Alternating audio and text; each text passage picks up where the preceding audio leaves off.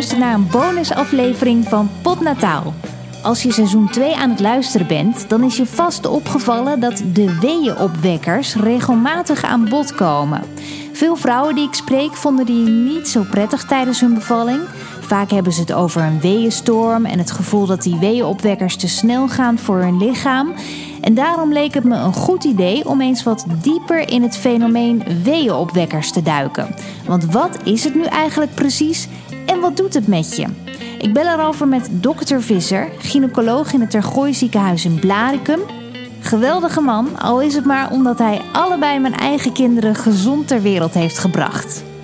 Wat denkt hij? Waarom ervaren veel vrouwen die weeënopwekkers als zo heftig? Waar het eigenlijk om gaat, dat wij gynaecologen denken eigenlijk dat het voor een groot deel uh, uh, ook toch een beetje de perceptie is van de, van de, uh, van de bevallende vrouw. Waar we overigens niks negatiefs mee bedoelen. Um, maar misschien even bij het begin beginnen, hè, waar je de weeën mee stimuleert. Dat is, en we hebben eigenlijk twee vormen van stimulatie. Of, st of stimulatie vanaf het begin van de zwangerschap.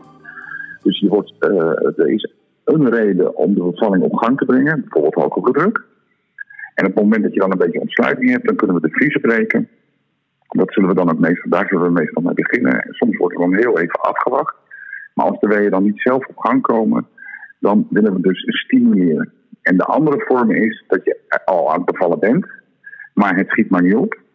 En dat we dan denken dat de weeënkracht toch een beetje te weinig is. En dat we dan ook met hetzelfde stofje gaan uh, stimuleren, maar dat noemen we dan bijstimuleren. Ja, en wat is het voor stofje eigenlijk? Nou, het stofje wat we gebruiken is oxytocine. Dat, is, dat maak je ook zelf aan als vrouw. Dus het is eigenlijk een lichaams-eigen stof. Uh, dat heeft ook bijvoorbeeld een functie na de bevalling bij de, bij de borstvoeding. En, uh, en oxytocine is dus een natuurlijke stof, alleen is in de fabriek nagemaakt. En als je kijkt naar de chemische samenstelling, dan is die exact identiek. Maar het is net zoals met. Hè, er is soms meer tussen hemel en aarde. Mm-hmm. Wij denken dan dat we het perfect uh, namaken. Um, en het doet ook eigenlijk hetzelfde. Maar ja, het zou misschien toch dingen die wij niet weten, dat het net iets anders werkt. Dat zou natuurlijk kunnen. En um, als we nou de weeën gaan stimuleren. Dus als we meer weeën willen maken, of we willen überhaupt weeën maken dan uh, doen we in een spuit doen we die, die stof, die oxytocine, en dan is er een soort step-up schema.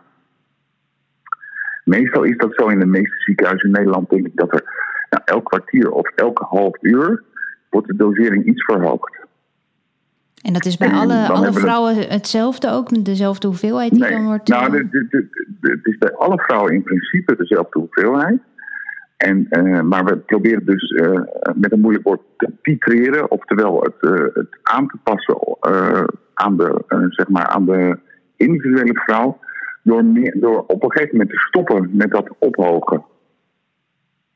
En waar we naar streven, en dat is denk ik wel van belang, we hebben natuurlijk heel veel onderzoek gedaan naar wat een normaal weeënpatroon is bij een vrouw die, die aan het bevallen is.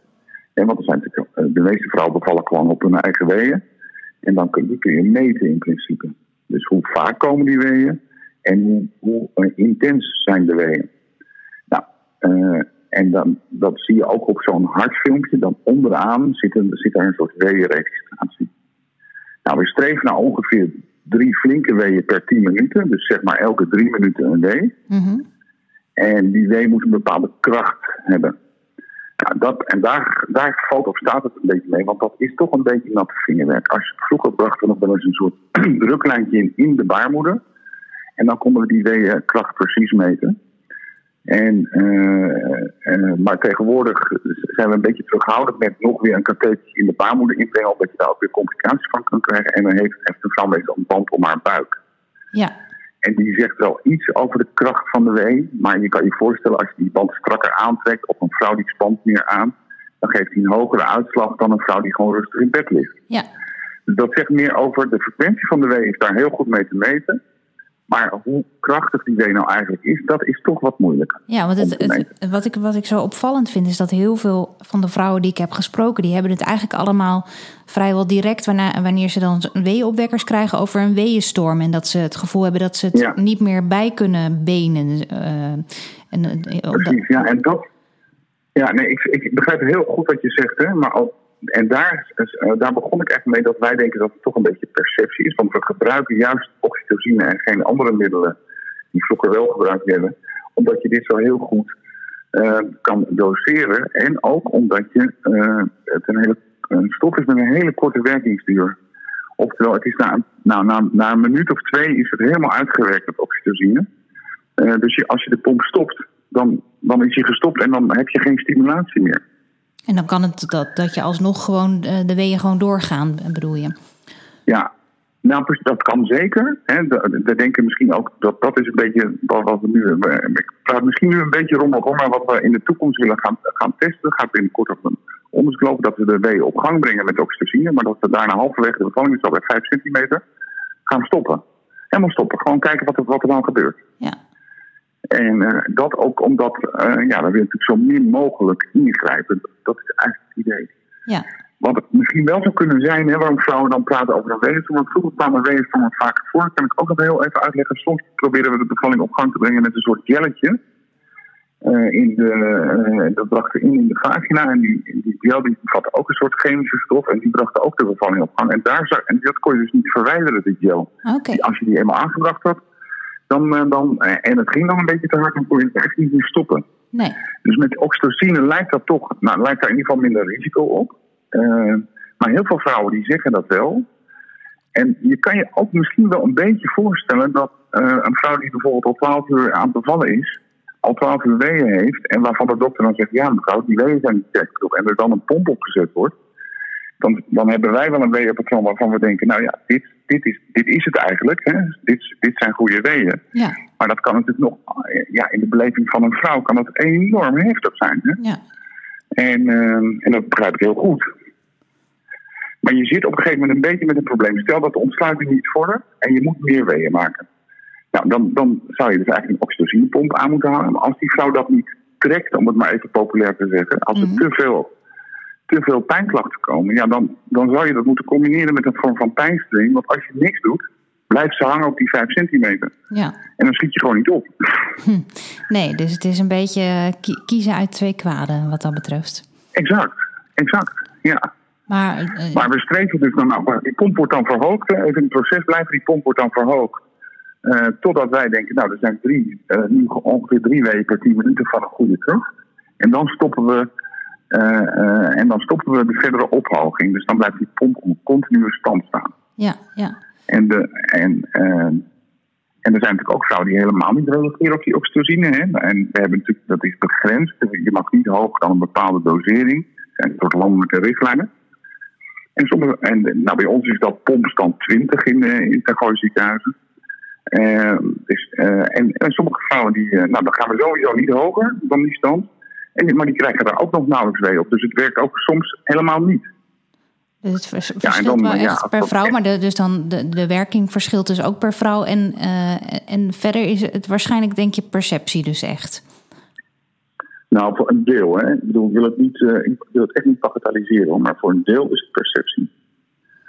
En de, de, de, de relativerende uh, opmerking hierbij, maar ik denk dat als mannen zouden moeten bevallen, dan zou er gewoon helemaal niets van terechtkomen, denk ik. Hè? Want het, het, zijn, ja, het zijn enorme, uh, nou, het is enorm heftig wat, je, wat er met je lijf gebeurt. Hè?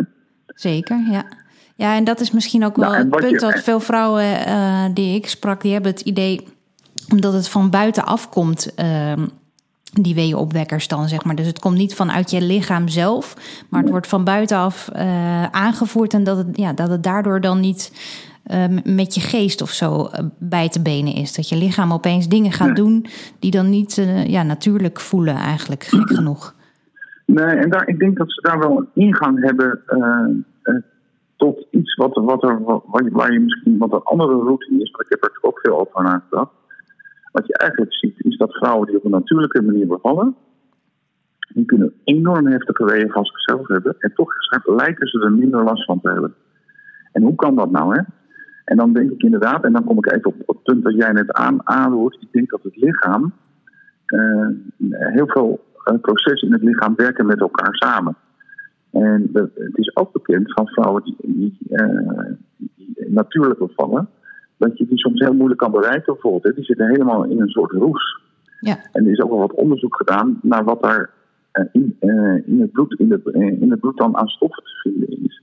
En je ziet dat er toch een verhoogde concentratie van een soort endorfines is. Dat zijn eigenlijk in lichaams eigen morfineachtige stoffen. En die worden aangemaakt, waardoor je dus minder pijn voelt. En nou, je kent ook wel het verhaal van iemand die in een traumatische situatie een auto-ongeluk heeft en zijn arm ligt er half af.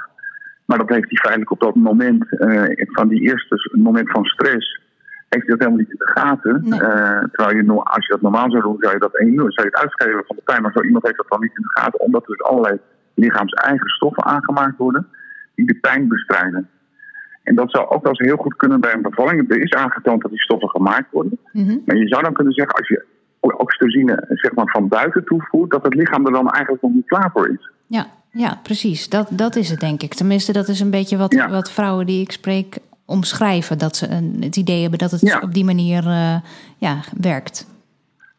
Precies, en ik, ik vind dat een heel uh, uh, aannemelijk scenario eigenlijk. Dus ik denk meer dat je het in die kant moet zoeken.